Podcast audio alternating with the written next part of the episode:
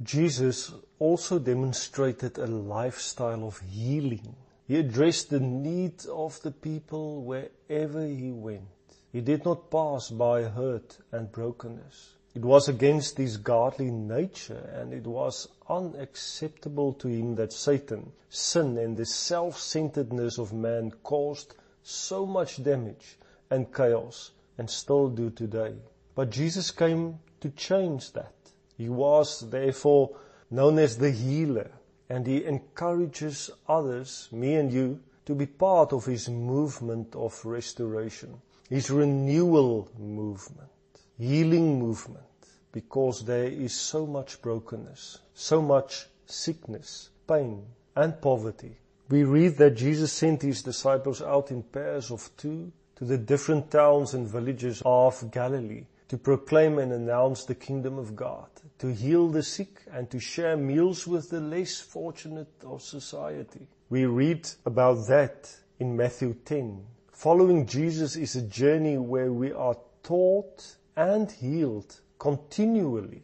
Jesus is busy teaching us all the time, restoring and healing us in our soul area. But to follow Him also means that we have to allow Him to flow through us and teach others and bring healing, restoration and renewal to others. For example, to teach and heal as followers of Jesus means that as Jesus did, we have to break down the obstacles that divide us and to accept others without judgment, to welcome the unclean, impure and sick and touch them. To teach and heal like Jesus means being in fellowship with people. Discipleship is not being separated individually, as I have mentioned before, a lone ranger journey. No, it is a journey together with other people, with other disciples,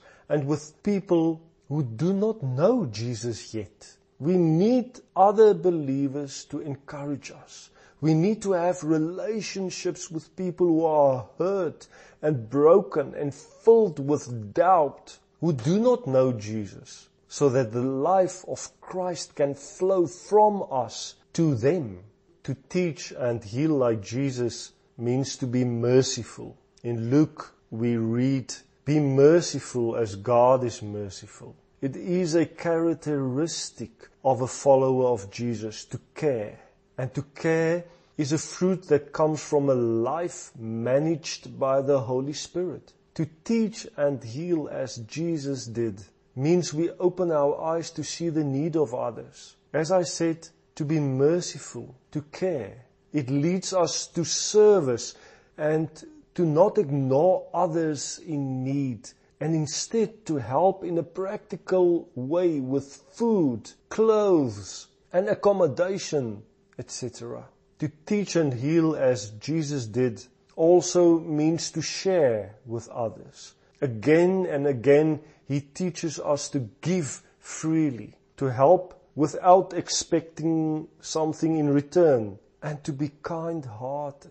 To teach and heal as Jesus did means to be just in all circumstances. Yes, we are called to act on behalf of those who cannot speak up for themselves the poor, the oppressed, the castaways, to show support for their rights. To teach and heal as Jesus did means to withstand hate and revenge and to replace it with forgiveness, loving your enemies and praying for them. It also means to be willing to die for the cause of the kingdom of God. Remember that the journey of Jesus led him to the cross and that is what he calls us to, the way of the cross. It is not just an inner spiritual journey. Yes, it is that as well, but it is primarily to confront power, sickness, violence, and death. Yet, we are not alone on this journey because Jesus goes before us, leading us on the way and invites us to join Him and follow Him Come, let us follow Jesus with a disposition to constantly learn from Him, to always address the needs of others around us, and to teach others about Him. He addressed our needs and He still does it every day.